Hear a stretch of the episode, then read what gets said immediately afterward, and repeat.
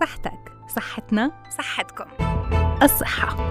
حالة اكتمال السلامة الجسدية والعقلية والاجتماعية مش بس انعدام المرض أو العجز.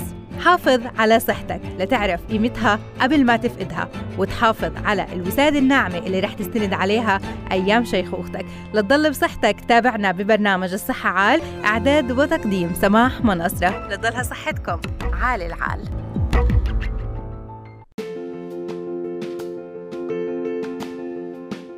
أسعد الله أوقاتكم بكل الخير. هلا فيكم مستمعينا بحلقة جديدة من برنامج الصحة عال. تضلها صحتكم بخير وبعافية. تابعونا دائما في هالساعة من الزمن بنقضيها برفقتكم. لنتناول العديد من المواضيع الأعراض اللي ممكن تظهر علينا أو على أشخاص محيطين فينا لحتى نتجنب الإصابة بالعديد من الأمراض. اليوم بدنا نحكي عن كيسر المرارة اللي يعتبر مخزن للأحماض الصفراوية في الجهاز الهضمي واللي بتصب داخل المسالك الصفراوية والكبد والأمعاء من أجل المساهمة مساهمة في امتصاص الدهنيات من الغذاء إلى الدم.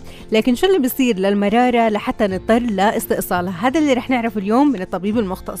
أيضا مستمعينا القرحة الهضمية. قرحة بتتكون في القناة المعدية المعوية. ممكن تكون غالبا حامضية الوسط وهذا اللي بيجعلها مؤلمة. 80% من القرحات بتصاحبها إصابة آه، بكثير من الأعراض بكتيريا عصوية الشكل في بيئة المعدة الحامضية. فاليوم شو الأمور اللي ممكن تسبب القرحة الهضمية بالإضافة للأغذية اللي نركز عليها والأغذية اللي نتجنبها. سرطان المبيض أسبابه مجهولة. هو بيظهر عند النساء فوق سن ال 35 بالعادة. بصيب بشكل خاص النساء اللي تجاوزوا ممكن كمان ال 50 اليوم بدنا نتعرف على العلاجات المقدمة لهؤلاء النساء. شو بتكون؟ في حال مثلا آه، اكتشفوا إنه عندهم سرطان المبيض أيضا حالة التشخيص كيف بتتم؟ الأعراض اللي ممكن تظهر هل هو من الأمور أو الأمراض الصامتة؟ هذا اللي رح نتعرف عليه أكيد من الدكتورة إيمان قنيبي اللي رح تشرفنا بالاستوديو بإمكانكم طرح استفساراتكم عبر صفحتنا على الفيسبوك راديو علم باللغة العربية أو عبر صفحة الرسائل 37631 من المواضيع اللي رح نطرحها كمان بحلقتنا لليوم رح نحكي عن التهاب الدم عند الأطفال. شو هو هذا الالتهاب؟ هل هو تسمم في الدم أو جرثومة بالدم أو في أمور تانية ممكن إنه نفسرها بهاي الحالة؟ الأعراض اللي ممكن تظهر على أطفالنا ومدى خطورة أيضا هذا المرض. من هلا بنبدأ ساعة من الزمن في برنامج الصحة عال. يا هلا ويا ميت مرحبا فيكم. مستمعينا كيس المرارة مخزن للأحماض الصفراوية في الجهاز الهضمي. هلأ ممكن داخل المرارة يكون في حصى. حصوة هاي ممكن تؤدي للألم الشعور بعدم الارتياح انسداد المسالك الصفراوية أو حتى التهاب كيس المرارة. الحصى من أكثر الأسباب الممكن تؤدي لاستئصال كيس المرارة. كيف ممكن يتم استئصاله؟ شو شو الدوافع اللي ممكن أيضا تكون وراء استئصال المرارة؟ وهل في خطورة منها؟ ناقش هذا الموضوع أكثر مع الدكتور محمد شاهين الأخصائي الباطني. أهلا وسهلا فيك دكتور محمد يسعد أوقاتك. أهلا وسهلا بك وبجميع المستمعين. أهلا وسهلا بحضرتك. دكتور بداية خلينا نوضح المرارة أهميتها داخل الجسم شو اللي بتعمله؟ هلا آه، المرارة هي عبارة عن كيس موجود بجانب الكبد يعني بالجهة اليمنى آه، العلوية للبطن آه، المرارة هي بتحتوي على عصارة عصاره المرارة وهي بتساعد في عملية آه، آه، عمل الأمعاء والهضم. طيب هلأ شو اللي بيصير للمرارة لحتى ممكن إنه وظائفها ما تقوم فيها على آه، يعني على الوجه المناسب؟ هلأ بصير في عندنا عدة أمراض ولكن أكثر الأمراض شيوعا اللي هي أمراض الحصى اللي بتصير في المرارة. الأمراض الثانية اللي هي بتصيب بعد الكيس هذا في قناة تمشي منها العصارة للأمعاء. هاي القناة ممكن يصير فيها التهابات أو ممكن يصير فيها تشوهات معينة. آه وممكن نفس الكيس المرارة يصير فيه التهاب وتكلف. فهاي معظم أمراض المرض. مم. طيب هلأ يعني الأعراض اللي ممكن إنه آه، تظهر على الشخص المصاب هل يعني شو بتكون أسبابها؟ هل مثلا من طريقة تناول غذاء معين من التهابات داخل الجسم أو ممكن من عدوات ممكن آه، يعني يتعرض لها الجسد ولا شو اللي بيصير؟ هلأ بالنسبة لكل آه، مرض للمرارة بكون في له أعراض خاصة فيه. ولكن في عندنا الالتهاب اللي هو بيكون ناتج عن التهاب بكتيري أو تكلس موجود في داخل يصاب في المرارة الكيس المراري. في عندنا أمراض ثانية بتكون في القناة المرارية وهي بتكون ناتجة برضه عن أمراض موجودة في الأمعاء. آه خطورة الموضوع في الالتهابات اللي بتكون في داخل المرارة وبتؤدي إلى انتشار هذا الالتهاب للجسم آه جميعا. الشغلة الثانية اللي هي الخطورة في تسكير قناة المرارة اللي هي ممكن إنه هاي ببطل السائل المراري إنه يعدي من داخل القناة هاي وبالتالي ممكن التحشير هذا يؤدي إلى مضاعفات خطيرة للمرض. هون بتضطروا لاستئصال المرارة صحيح؟ عفوا هون بتضطروا لاستئصال المرارة ولا في خطوات نعم. ممكن تسبق نعم. هاي الحالة؟ هلا بالنسبة ل إذا بدنا نحكي بس عن موضوع الحصى. اللي موجوده في داخل المرارة الحصى في عندنا ثلاث مراحل المرحلة الأولى عندما يكون الحصى هيك بالصدفة إنه ينعمل سونار أو صورة تلفزيون للبطن ونجد إنه عند هذا الشخص أو خاصة النساء إنه في عندهم حصى ولكن ما بيعاني من شيء هذا ما ما بنعمل له شيء ومخليه مكمل حياته طبيعية. الناس التانيين إنه هاي الحصى ممكن إنها تعمل انسداد جزئي أو انسداد بروح وبيجي يعني بتصل للقناة المرارية وهي بتسبب آلام شديدة في البطن وغثيان ومراجعة وممكن تسبب كمان آآ آآ الالام شديدة جدا في طيب البطن. دكتور دكتور محمد هلا هؤلاء الأشخاص موعد مم. يعني مش مش يعني مش مش بشكل طارئ، الشكل الطارئ إذا هذه الحصى دخلت في داخل هاي المراره مم. القناة المرارية وأغلقتها تماما. لا سمح الله. هون آه أو هون بصير إنه أو بصير بتضيف على الأعراض إنه بصير في عندنا حرارة وممكن يصير في عندنا آه آه إنه الواحد يدخل في غيبوبة أو يدخل أو اضطراب. يعني إحنا بنحكي عن جزء صغير جدا بالجسم لكن إنه إصابته بالتهاب قديش ممكن يأثر على كل أعضاء الجسد. لكن دكتور في بعض الأشخاص اللي بتسالوا إنه ممكن إنه شخص صغير يتعرض لمثل هاي الأمور أو إنه مرتبط بفئة عمرية معينة مثلا لكبار السن؟ هلأ أكثر ناس يصابوا فيه أعمارهم فوق ال 50 سنه هلا في بعض الناس ممكن يصابوا فيهم نتيجة بيكون في عندهم من الأدوية. يعني الأدوية كثرة تناول الأدوية. نعم خاصة الستات اللي بياخذوا أدوية منع الحمل أو في بعض المضادات الحيوية اللي ممكن تنعطى. لاي شخص وتسبب له الحصى. طيب دكتور دكتور هلا في حال إنه وصفتوا للمريض عملية لاستئصال المرارة كيف بتتم هاي العملية طريقة التشخيص أيضا وما بعد إجراء العملية؟ لشو ممكن يتعرض؟ نعم. هلا التشخيص بيتم أول شيء عن طريق الفحص السريري للمريض والشكوى اللي والأعراض اللي بيحكي فيها المريض. الشغلة الثانية آه بشوف الطبيب آه بيعمل له ممكن صورة تلفزيون أو سونار للبطن وللمرارة فببين أنه موجود آه الحصى. هلا إذا شاف أنه في هناك شيء طارئ لعمل العملية يتم إدخال المريض وإعطائه اللازم ومن ثم عمل العملية له العملية بتتم آه آه في بطريقتين. في الطريقة القديمة أو حتى حتى الآن يعني طريقة ناجحة إنه هي عن طريق الفتح. آه الفتح آه فتح البطن وفي المنطقة أعلى البطن وبتم عملية الفتح هاي واستئصال المرارة منه. القضية الثانية اللي هلأ اللي صارت أفضل يعني اللي هي قضية آه الشائعة عند الناس اللي هو آه الليزر بس في آه قضية آه المنظار. بيتم فتح أربع فتحات بسيطة سنتي سنتي ونص وبتم إدخال المعدات اللي بيزيل فيها المرارة. وبعد ساعتين ثلاث بإمكانه إنه المريض حتى إنه يروح على البيت. يعني ما في خطورة على حياتهم هون اللي بيجروا هاي العملية؟ هلا الخطورة على الحياة في شغلة في ممكن إنها تصير. في حال إنه القناة المرارية الرئيسية إذا تم تسكيرها أو إغلاقها أو ربطها يعني أثناء العملية ممكن إنها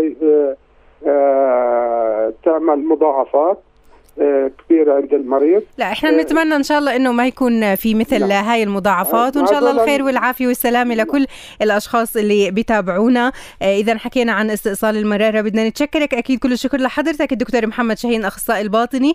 كل العافية والخير والسلامة لكم مستمعينا. فاصل قصير ورح نرجع لمتابعة مواضيعنا في برنامج الصحة عال. خليكم معنا. مستمعينا متواصلين إحنا وأنتم عبر موجة علم. وصلتنا رسالة من أم بتحكي إنه أخذت طفلها للطبيب. ارتفعت درجة حرارته شعر بتعب شديد ألم في المفاصل ارتجاف كان لون عيونه مائل للأصفر لما شخصت الحالة حكوا لها بإنه مصاب بالتهاب الدم. أعطوها الأدوية والأقراص المسكنة لكن أيضا ضل عندها خوف إنه شو هو التهاب الدم؟ شو هاي الحالة؟ شو بتكون أسبابها؟ هل يعني التهاب الدم نفسه تسمم الدم أو مثل ما بيطلق عليه البعض تعفن الدم ولا في فروق ما بين مثل هاي الأمراض. أيضا العلاجات المناسبة خصوصا للأطفال. نناقش الموضوع أكثر مع الدكتور عصمت أبو عساكر استشاري طب الأطفال وأستاذ مساعد في كلية الطب بجامعه الأزهر. أهلا وسهلا فيك دكتور يسعد أوقاتك. أهلا أهلا وسهلا بكم جميعا. أهلا وسهلا بحضرتك. دكتور اليوم بنحكي عن آه، التهاب الدم عند الأطفال بالتحديد. خلينا بالبدايه نوضح هاي الحالة. شو هي؟ بسم الله الرحمن الرحيم. آه، المقصود بالتهاب الدم يعني هي هو المعنى آه، مع الأسف الشديد غير دقيق. لما نحكي بالعربي نقول التهاب الدم معنى يعني يقصد انه يقصد به إنه في جرثومة موجودة في الدم. في جرثومة موجودة في الدم يعني يقصد به تسمم الدم التسمم بالجراثيم أو اللي إحنا بنسميه السبسيس أو السبتيسيميا. بس أنا حقيقه استغربت جدا من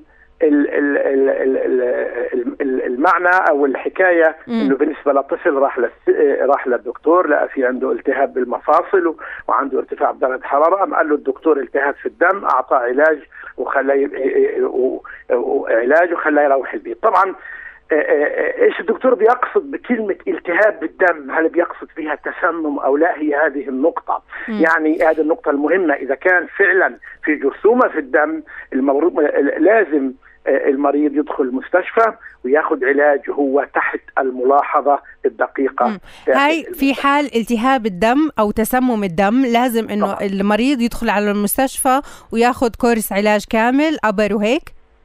طبعا المفروض إنه بياخذ علاج وبيكون تحت المهم الأهم من العلاج الملاحظة الدقيقة للمريض. أوه. لأنه التهاب في الدم يعني ممكن يحصل مضاعفات الدم فيه جرثومة وبتمشي بتمشي بتروح لكل أعضاء الجسم لكل أعضاء الجسم. فممكن تصيب أي عضو من الأعضاء وتعمل عنده مشكلة. طبعا أنا بالنسبة للست الاعراض اللي حكتها أنا يعني ما ما أنتم ما حكيتوهاش بصورة دقيقة وبالتالي ما بقدرش أعلق على الحالة. طيب خلينا إحنا دكتور يعني نحكي عن آه، في حال مثلا إنه يعني عرف إنه هذا الشخص مصاب بالتهاب الدم.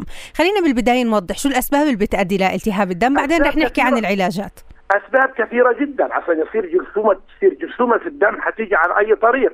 ممكن. تيجي عن طريق الجهاز البولي التهاب في البول ينتقل للدم. ممكن التهاب بالصدر ينتقل ممكن التهاب بالحلق أو باللوز. ينتقل للدم ممكن بأي طريقة من الطرق هذه. المشكلة الكبيرة حقيقي المشكلة الكبيرة واللي تكاد تكون صادمة في في هذه الأيام إنه الجراثيم لم تعد تستجيب للمضادات الحيوية. مم. يعني صار أي التهاب عادي ممكن يعمل جرثومة في الدم.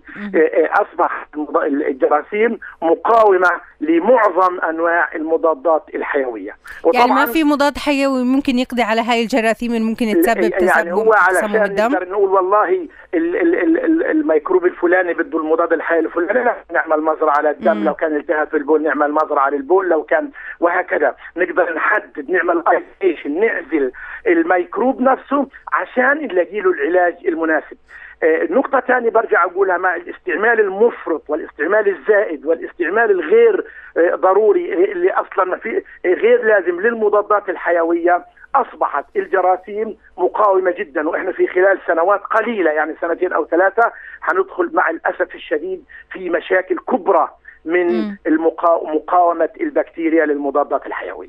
طيب هلأ كمان دكتور يعني في حال مثلا تم اكتشاف إنه الشخص مصاب بتسمم الدم، كيف كيف يعني بتبدأ أساليب العلاج؟ حكيت إنه لازم يكون موجود بالمستشفى ومتابعه دوريه. لازم يدخل المستشفى لازم ينعمل له حاجة بنسميها septic workup يعني لازم ناخذ مزرعة مزرعة للدم ناخذ مزرعة من البول ناخذ مزرعة من الحلق ناخذ تحاليل دم كافية عشان نقدر نحدد أو نعتقد أو نقدر نحدد بالضبط إيش الميكروب الموجود وبالتالي يعطى المضاد الحيوي المناسب له. ما فيش المضاد بينعطى في الأول blindly يعني عمياني مع الأسف الشديد. وفي أغلب الحالات المضاد الحيوي العمياني اللي بينعطى في هذه الأيام ما بيجيبش نتيجة. طيب شو يعني شو بده يكون العلاج اللي ممكن إنه يطرح في حال إنه آه مثلا المضادات الحيوية بطلت تعطي النتيجة المناسبة؟ هي بينعطى أنواع يعني هي بدها نوع من يعني ممكن أعطي مضادين مع بعض بحيث إنهم يعملوا حاجة بنسميها synergistic action يعني يزودوا مفعول المضاد كل واحد يزود مفعول الآخر وبالتالي يصير قوي جدا. أو ممكن تنعطى مضادات حيوية يعني المضادات القوية جدا وتنعطى بطريقة معينة وبجرعة معينة. بحيث إنها تقدر تجيب نتيجة والعملية العملية إذا كان فعلا كان الميكروب مقاوم للمضادات الحيوية العملية بتبقى مش سهلة ابدا. إلى المضاد اللي يقدر يجيب نتيجة. يعني هون بده يكون في عندنا يعني ملاحظة ومراعاة لمثل هذا الأمر. بس لأنه آه. أكاد أجزم بأنه 90% من الالتهابات اللي بتاخذ مضادات حيوية في برا أو اللي بتاخذ مضادات حيوية حتى في المستشفى بتطلع من المستشفى وهي بارشالي تريتد بنسميها. يعني معالجة جزئيا. وبالتالي بضل الميكروب موجود وبعد آه يعني ممكن إنه ترجع ترجع الأعراض مرة جديدة. كل 15 يوم أو م. شهر أو شهرين. يصير عند المريض آه، حرارة ثانية ويرجع يتعالج ثاني وبيرجع برضه علاج جزئي تمام وإحنا بنتمنى من كل الأهالي يعني اللي يكون في عندهم آه، ملاحظة على الأعراض اللي بيعانوا منها أبنائهم يأخذوهم للطبيب المختص في الوقت المناسب وأيضا يضلهم متابعين لمثل هاي الحالة. اذا التهاب الدم لازم يكون في متابعة آه، دائمة لإنه ما عندنا العلاجات اللي ممكن تكون قاضية على الالتهاب اللي ممكن يحدث في الدم بدي أتشكرك الدكتورة عصمت أبو عساكر استشاري طب الأطفال وأستاذ مساعد في كلية الطب بجامعة الأزهر يعطيك ألف عافية. مستمعينا فاصل قصير. خليكم معنا. تابعونا متابعينا وبرنامج الصحة عال للحديث أكثر عن القرحة الهضمية شو أسباب تكونها والخطورة من هاي الحالة. بالإضافة لموضوع رح نحكي فيه عن سرطان المبيض. يبعد عنكم جميع الأمراض كونوا معنا وبرنامج الصحة عال طيب المتابعة دائما. مستمعينا رح ننتقل معكم للحديث بحالة ممكن إنه أتعرض لها كثير من الناس اللي هو اللي هي القرحة الهضمية، القرحة ممكن تصيب أعضاء مختلفة من الجسم، المعدة، القرحة المعدية الاثنى عشر تسمى قرحة الاثنى عشر وقرحة المريء أيضا، آه، كثير من الأعراض اللي ممكن تظهر على الشخص ألم في البطن، آه، تقيؤ آه، بشكل مستمر، غثيان مع تقيؤ، فقدان للشهية وبالتالي فقدان الوزن، إحنا اليوم بدنا نتعرف على الأسباب اللي بتؤدي للقرحة الهضميه كيف بالإمكان أيضا إنه تتحول لحالة خطيرة جدا ممكن تأثر على آه، صحة الجسم بشكل كامل. وشو العلاجات المقترحة والوسائل العلاجية اللي بالإمكان اتباعها لحتى إحنا نقضي على هاي القرحة؟ نناقش هذا الموضوع أكثر مع الدكتور ياسر أبو صفية الاستشاري في الأمراض أمراض الجهاز الهضمي والباطني. دكتور ياسر أهلا وسهلا فيك. يسعد أوقاتك. يسعد أوقاتك وأوقات المستمعين الكرام. أهلا وسهلا بك. أهلا وسهلا فيك. دكتور اليوم بنحكي عن القرحة. القرحة الهضمية بالتحديد خلينا بداية نوضح شو هي وشو أسبابها. طبعا القرحة في الجهاز الهضمي إحنا من يعني بنعرفها إنه هو عبارة عن التهاب في الغشاء المخاطي المبطن للمعدة والإثنى عشر. ويحدث هنالك آه، جورة أو بسموها كريتر بالإنجليزي بمعنى آخر في عدم استمرارية بالجدار يعني تقرح الجدار أو يعني لا يوجد طبقة مغطية أو مغلفة لتلك المنطقة وغالبا ما بيكون حجمها أكثر من 3 ملم يعني خلينا نقول قد حبة العدس تقريبا وأعلى يعني ممكن توصل 2 سم مرات 3 سم حجمها أو يعني الدايمتر أو قطرها. هذه القرحة حاليا آه، بال... تصيب زي ما تفضلت حضرتك ممكن المريء ممكن المعدة ممكن الاثنى عشر ممكن الجزء الأول أو الثاني من الاثنى عشر. بس لا يعني إنه ما بنشوفهاش في بقية الجهاز الهضمي في الأمعاء الدقيقة ممكن نشوفها. ولها ثلاث أسباب رئيسيات. يعني إحنا بنحكي عن القرحة اللي في الاثنى عشر والمعدة واللي موجودة كمان في في المريء. السبب الأول واللي أكثر شيوعا في العالم اللي هي جرثومة ال Helicobacter، جرثومة ال Helicobacter أو ما تعرف بالحلزونيه في بلادنا هي عبارة عن جرثومة شائعة جدا بدون مبالغة بنقول يمكن 60 أو 70% من شعبنا وفي وطننا العربي هاي نسبة الإصابة الناس فيها يعني طيب شو شو أسبابها دكتور؟ يعني هي طريقة غذاء هو تلوث شو؟ تلوث الأطعمة والمياه. مم. وعدوى بتصير من شخص لشخص. يعني إذا تلوثت الأطعمة والمياه ببراز الإنسان المصاب فبتنتقل إلى الإنسان العادي وبتعمل له التغيرات اللي بتصير اللي بنسميها التهاب معدة بالأول بعدين بيؤدي إلى تقرح في المعدة أو في الاثنى عشر. مرات بتعمل أورام لمفاويه في في المعدة ممكن تعمل أورام سرطانية في المعدة ولكن نسبتها ضئيله يعني ما بدنا نخوف الناس إحنا. 70% من الناس عندهم الجرثومة ولكن بدون أعراض. يعني يمكن أقول بس 10% ممكن يصير معاها أو يصاحبها أعراض. امم يعني هون كنت بدي أسألك كمان دكتور إنه في بداية الإصابة بالقرحة شو الأمور اللي ممكن يلاحظها الشخص لحتى ما تتحول لقرحة هضمية ممكن يعني تأثر عليه بشكل سلبي جدا؟ هلا نيجي لأعراضها لأعراضها. السبب الثاني اللي هو الأدوية والأدوية كثير اللي بتعمل قرح المعدة والاثنى عشر والسبب الثالث اللي هي التدخين والكافيين هلا شو الأعراض اللي بيجيها المريض ممكن إنه نكتشفها قبل ما تؤدي إلى مضاعفات ومضاعفات تؤدي في خطر على حياة الإنسان. الأعراض آلام في أعلى منطقة البطن عند تحت القص مباشرة والوجع هذا غالبا ما بصح المريض من النوم. أحسن بكون بدون أكل. إذا أكل أحسن إذا أكل المريض إذا بدون أكل الوجع موجود وما بتحسنوش الأكل بكون غالبا قرحة في الإثنى عشر أو بكون قرحة في المريء. بس غالبا القرحة اللي بتطيب مع الأكل ولو حتى حبة موز أو بسكوتين هذه بتكون قرحة الإثنى عشر. هلا هذه الأعراض مرات ممكن ما نشوفها اطلاقا عند 25% من الناس. ونشوف الناس يجونا بمضاعفة. وعمره ما شكى من أعراض القرحة. يعني ربع الحالات ممكن يجوا بمضاعفة. المضاعفات هاي أهم ثلاث مضاعفات رئيسية فيها. اللي هي انسداد تم المعدة وبنسميه بالوركستينوسيس أو إنه المريض يتسكر فتحة البواب وبالتالي بيجينا بتقيؤ ونقصان وزن وبيرجع الأكل اللي كان ماكله قبل ثلاث أربع أيام لأنه المعدة ما عادت تتصرف وهذا بتكون نتيجة القرح المتكررة أدى إلى تضيق في فتحة البواب. هاي رقم واحد، رقم اثنين النزيف وهون بشكل خطر على حياة الإنسان. ممكن أي واحد عنده قرحة بالاثنى عشر تضل تحفر حتى توصل للأوردة والشرايين اللي موجوده في منطقة الاثنى عشر أو المعدة. يا ساتر بالتالي ينزف. إذا نزف الإنسان ممكن ينزف بدون مبالغة نصف دمه. يعني بيجون الناس عندهم دم من ستة أو سبعة بكون عم بيخرج براز لونه أسود زي الزفته وبكون عنده تقيؤ آه، زي تفل القهوة. هذا علامة نزيف الجهاز الهضمي الشيء الأخير الثالث المضاعفة اللي هي ثقب بالاثنى عشر أو ثقب بالمعدة نتيجة إن المعدة والقرحة اللي موجودة فيها عم تحفر أكثر وأكثر حتى تثقب كاملة جدار المعدة أو جدار الاثنى عشر. وهي من المضاعفات اللي بنشوفها في شهر رمضان وإحنا مقبلين على شهر رمضان. صحيح بما إنه كمان إحنا مقبلين على هذا الشهر بالتحديد دكتور شو الأمور اللي لازم ناخذها بعين الاعتبار؟ سواء ظهرت علينا الأعراض أو حتى ما ظهرت لحتى إحنا نتجنب الإصابة بأمراض الجهاز الهضمي اللي هي كثيرة ممكن نتعرض لها ومنها قرحة المعدة. طبعا أهم شيء عادات الأكل. في كثير ناس باكلوا وبيشربوا دخان على الريق وقهوه بكميات كبيرة جدا. هاي من الأسباب اللي ممكن تؤدي إلى تقرح وعدم شفاء القرحة وتؤدي إلى مضاعفة القرحة. فبدنا ننتبه على الأغذية وبالذات النيكوتين والكافيين. والكافيين موجود بالكولا والنسكافيه والشوكولاتة والشوكو. كثير من الأشياء اللي فيها والأكسل مثلا مشروب الطاقة هذا كله فيها كافيين بكميات كبيرة. الشيء الثاني؟ إنه إحنا ما نضلنا بالجوع لفترات طويلة وبعدين الساعة 9 10 بالليل بندب دبة واحدة وننام بعدها هذا ممكن يؤدي إلى عودة الحامض وبالتالي تقرح في المريء. فكل هاي الأشياء يعني ندير بالنا عن النظام الغذائي. يكون في ثلاث أربع وجبات صغار موزعة. نبعد عن الأكلات اللي ممكن تسبب لنا حموضة وحرقة ومعروفة منها مثلا الكافيين قلناها الحمضيات المقالي. والشيء الثالث اللي بدي أحكي فيه اللي هي الأدوية. خصوصا الأدوية اللي بناخذها بصورة مستمرة للوجع مثل الأدوية اللي بتحكي على التروفن والديكلوفن والروفينال.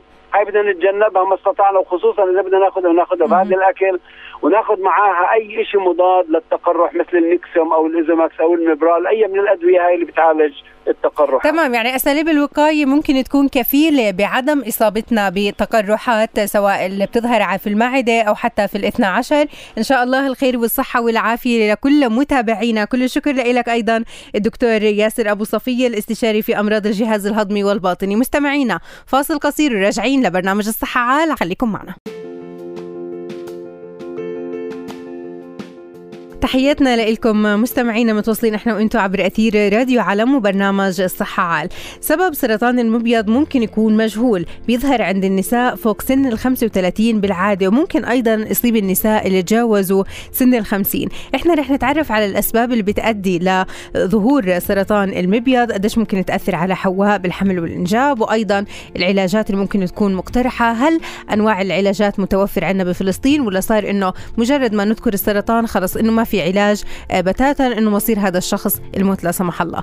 قديش ممكن إنه يكون في كشف مبكر؟ لكثير من حالات السرطان اللي بالامكان نبدأ معها العلاج المناسب. هذا اللي رح نتعرف عليه من الدكتورة إيمان قنيبي. لكن بعد ما نروح لفاصل قصير جدا وبعد الفاصل رح نرجع للدكتورة إيمان قنيبي أخصائية نسائية وولاده وعقم ورعاية حوامل لحتى تجاوب أيضا على استفساراتكم اللي توصلنا فاصل وراجعين خليكم معنا. على أثير راديو علم متواصلين إحنا وأنتم مستمعينا لحتى نحكي بحالة نحكي فيها عن نوع معين من السرطان اللي هو سرطان المبيض عند النساء. رح نحكي بالأسباب اللي ممكن تؤدي له أه، بالعلاجات المقترحة بالإضافة للأعراض اللي ممكن تظهر أهمية الفحص والكشف المبكر دائما عن مثل هاي الأنواع من السرطانات قديش ممكن تكون هي الطريق الأسلم للعلاج. ورح نجاوب على الأسئلة اللي توصلنا من حضراتكم عبر صفحتنا على الفيسبوك راديو علم باللغة العربية. معنا بالاستوديو الدكتورة إيمان قنيبي طبيبة نسائية وولادة وعقم ورعاية حوامل. أهلا وسهلا فيك دكتورة إيمان شرفتيني. أهلين الله يسعدك. أهلا وسهلا بحضرتك. بداية دكتورة خلينا نوضح شو هو سرطان المبيض؟ سرطان إجمالا هو نمو غير طبيعي للخلايا وهون في هذه الحالة ببلش من خلايا المبيض. م. طيب هلا دكتورة السرطان هذا شو الأسباب اللي ممكن تؤدي لظهوره بهاي والله السبب الأصلي الأساسي غير معروف حاليا الدراسات لسه ماشية عليه. اللي عرف وأثبت إنه إذا في تاريخ عائلي م. لإصابة بسرطان المبيض هون بتزيد آه، عوامل خطوره إنه يصيب سرطان ثدي. بل كمان إذا في تاريخ في العائلة إصابة سرطان آه، قولون أو سرطان الثدي. نفس العوامل الجينية بتكون مهيئه هذه المريضة لإصابة بسرطان المبيض. م. طيب إجمالا العرق القوقازي بنسميه يعني الناس البيض يعني ال Africans مثلا أو هذا العروق الأخرى ال ethnic races الثانية بتكون أقل كتير في نسبة إصابة سرطان المبيض من العرق الأبيض. العمر برضه في حد ذاته تجاوز الخمسين هذا من عوامل الخطورة آه، إذا طيب هي هون بنحكي دكتورة من عوامل الخطورة لأنه السيدة مثلا بتنقطع عنها الدوره الشهريه ولا ليش بصير المبيض عرضة للإصابة بالسرطان؟ جايين للعوامل الثانية اجمالا اللي مثبت حاليا إنه الإستروجين كهرمون إذا زاد في داخل الجسم بهيئ للإصابة بهرمونات في النهاية هي خلل هرموني ولسه زي ما قلت لك العوامل الدراسات لسه ماشية عليه. المثبت حاليا برضه إذا كان عندها استعداد هي مالتي فاكتوريال يعني أغلب بعض العوامل سوا آه، بتهيئ المريضة تكون أكثر عرضة آه، خطو... لاصابه بسرطان المبيض. إذا هي أصيبت قبل هيك بسرطان ثدي أو قولون برضه بتكون أكثر تعرض. في النهاية هي عوامل جينية هذه المثبتة حاليا اللي هي بركا 1 وبركا 2 بنسميها. هذا إذا كانت وحتى من هون جاي ال screening عليها جاي الفحص المبكر التشخيص المبكر. لولا إنه مكلف شوي آه، الجينات بركا 1 بركا 2 لأي وحدة في تاريخ عائلتها سرطانات ثدي أو قولون أو مبيض وبنفحص لها هذه الجينات. إذا كان عندها فعلا النسبة موجودة الجين هذا موجود م. بنعرض عليها احتمالات يا إما آه، تتعرض لاوفركتومي بنسميها يعني إزالة المبيضين تحسبا هيك وقائيا. شايفة؟ وفي عوامل شغلات ثانية هلا العوامل الثانية اللي برضه اللي قد تكون مثبتة آه، آه، ظهور أول دورة تمثيه بشكل مبكر. البنت آه. تبلغ بدري. يعني قبل سن ال 15 خلينا قبل ال 15 في ناس على تسعة. مزبوط وتأخر سن القياس في حد ذاته برضه إنه برضه تضل يعني هي الفكرة فيها حاليا النظريات اللي مثبتة أكثر شيء إنه الدورة في حد ذاتها هي عامل الخطر. آه. الدورة نفسها بنزول كل بويضة وبنزول الدم قد يخرش جزء من جدار المبيض تكرار مع تكرار مع تكرار بيؤدي لتكون خلايا غير طبيعية. تمام. طب بالمقابل آه. نعم عوامل اللي بتقلل الخطورة هي الحمل والإنجاب المتكرر. إنك تحملي تسعة شهور تأخري تمنعي دورة تسعة شهور هذا بيقلل نسبة التخرج لجدار المبيض مم. تمام طيب هلا دكتورة شو الأعراض اللي ممكن تظهر على هؤلاء السيدات لحتى يعرفوا شو اللي ممكن إنه يعملوه آه لحتى يتجنبوا أعراض ممكن تكون أكثر خطورة الأعراض زي ما حكينا اجمالا آه هذا مرض آه صامت خلينا نقول مم. ولما يجي عند مرة 50 60 سنة عمرها يعني بتضل تأجل في حالها بدنا نقول مزبوط. بلاش اجمالا الأعراض نفسها حتى قد تظهر في وقت مرحلة متأخرة جدا قد تظهر آه، في بعض أنواع سرطان المبيض اللي هو الميسوناس أو ال germ cell tumor. هذا ببلش في الفتيات المراهقات وبينمو لحظهم الجيد بينمو بشكل سريع وبيعطي أعراض سريعة من آلام في الحوض ومن حتى لخبطة في الدورة وهو بنكتشفه سريع. وأغلب الفتيات اللي بنلاقي عندهم سرطان في المبيض في مرحلة المراهقة بيكون بس استئصال الورم السرطاني ونسبة النجاح عالية جدا للمعيشة لقدام. أما النساء اللي عمرهم متأخر اللي انواع سرطاناتهم. أصلا ستيجنج تاعها بيكون سيء ومنتشر لا يبين. قد يعطي بعض الانتفاخ غازات آلام خفيفة. إذا عندها دورة ممكن تكون بتعاني من لخبطة في الدورة أو هيك. طيب هلأ يعني آه، مثل ما حكيت يعني قبل الفاصل دكتورة إنه صار إنه مجرد الناس ما يسمعوا بسرطان بيعتقدوا بإنه هذا الشخص خلص رح يكون مصيره الموت. بالنسبة لسرطان المبيض أهمية الكشف المبكر عنه لحتى إنه السيدات ما يحكوا بإنه خلص مصابات بالسرطان معناته المصير الموت. والله الكشف المبكر أصلا مش كتير دقيق. يعني حتى جينات براكا 1 براكا 2 في ناس بيكون عندهم زي ما قلت لك اللي هي breast cancer 1 و 2 بتكون عندها الجينات هاي susceptibility لكن ما بيصيبها السرطان مدى حياتها. وبالمقابل في لل screening فحص للتشخيص المبكر اللي هو بنسميه مثلا CA 125 هذا فحص هرموني فحص في الدم عادي فحص هذا قد يكون عند وحده عندها السرطان طبيعي. شايف علي فالفحوصات نفسها للتشخيص المبكر مش كتير دقيقة. طيب شو شو اللي لازم نعمله دكتورة لحتى إنه نجنب السيدات اللي ممكن يوصلوا لسن ال 30 أو ال 50 الإصابة بسرطان المبيض فحص دوري اجمالا هذا يعني السرطان يكتشف على ال ultrasound. فحص دوري عند الطبيبة وكل فترة لفترة إذا شكت من شوية غازات إسهال مستمر آلام أسفل البطن كتلة في الحوض قد تشعر بعض النساء إنه والله بلش صار في كتلة في الحوض شايفة في آلام يعني في, في ضغط في كرش في صار يتكون مولي بطن هذا كله آه، أعراض لوجود كتلة في الحوض ورم عمله بكبر. شايف علي؟ في بعض الفحوصات الثانية المخبرية برضه CA 19 9 5 3 كلهم مع بعضهم combination ممكن يكونوا آه، فائدة. طيب أيضا دكتوره كثير من الناس اللي بيسألوا عن العلاجات إذا كانت العلاجات أيضا ممكن تكون آه، موجودة والعلاجات اللي بالإمكان اتباعها أيضا مثلا إجراء بعض العمليات العلاج الكيماوي ولا شو؟ صح العلاج اجمالا بيعتمد زي ما قلت قلنا قبل على ال staging وعلى ال grading على درجة وين واصل السرطان م. المنتشر في الحوض منتشر للغشاء البريتوني أو بس confined بس في مبيض واحد أو في مبيضين أو بعيد الشر إذا واصل للكبد إذا استسقاء عامل أعراض يعني في درجات أولى وثانية وثالثة ورابعة. برضه بنعتمد على شغلة بنسميها ال grading يعني درجة عنف السرطان نفسه خلايا السرطان. في خلايا عنيفة جدا ال prognosis فيها سيء جدا وفي خلايا آه، في لها علاجات. العلاج بيشتمل اجمالا على جراحي وكيماوي وشعاعي. الجراحي اجمالا بيكون debulking tumor أغلب السرطانات تكتشف في مرحلة متأخرة.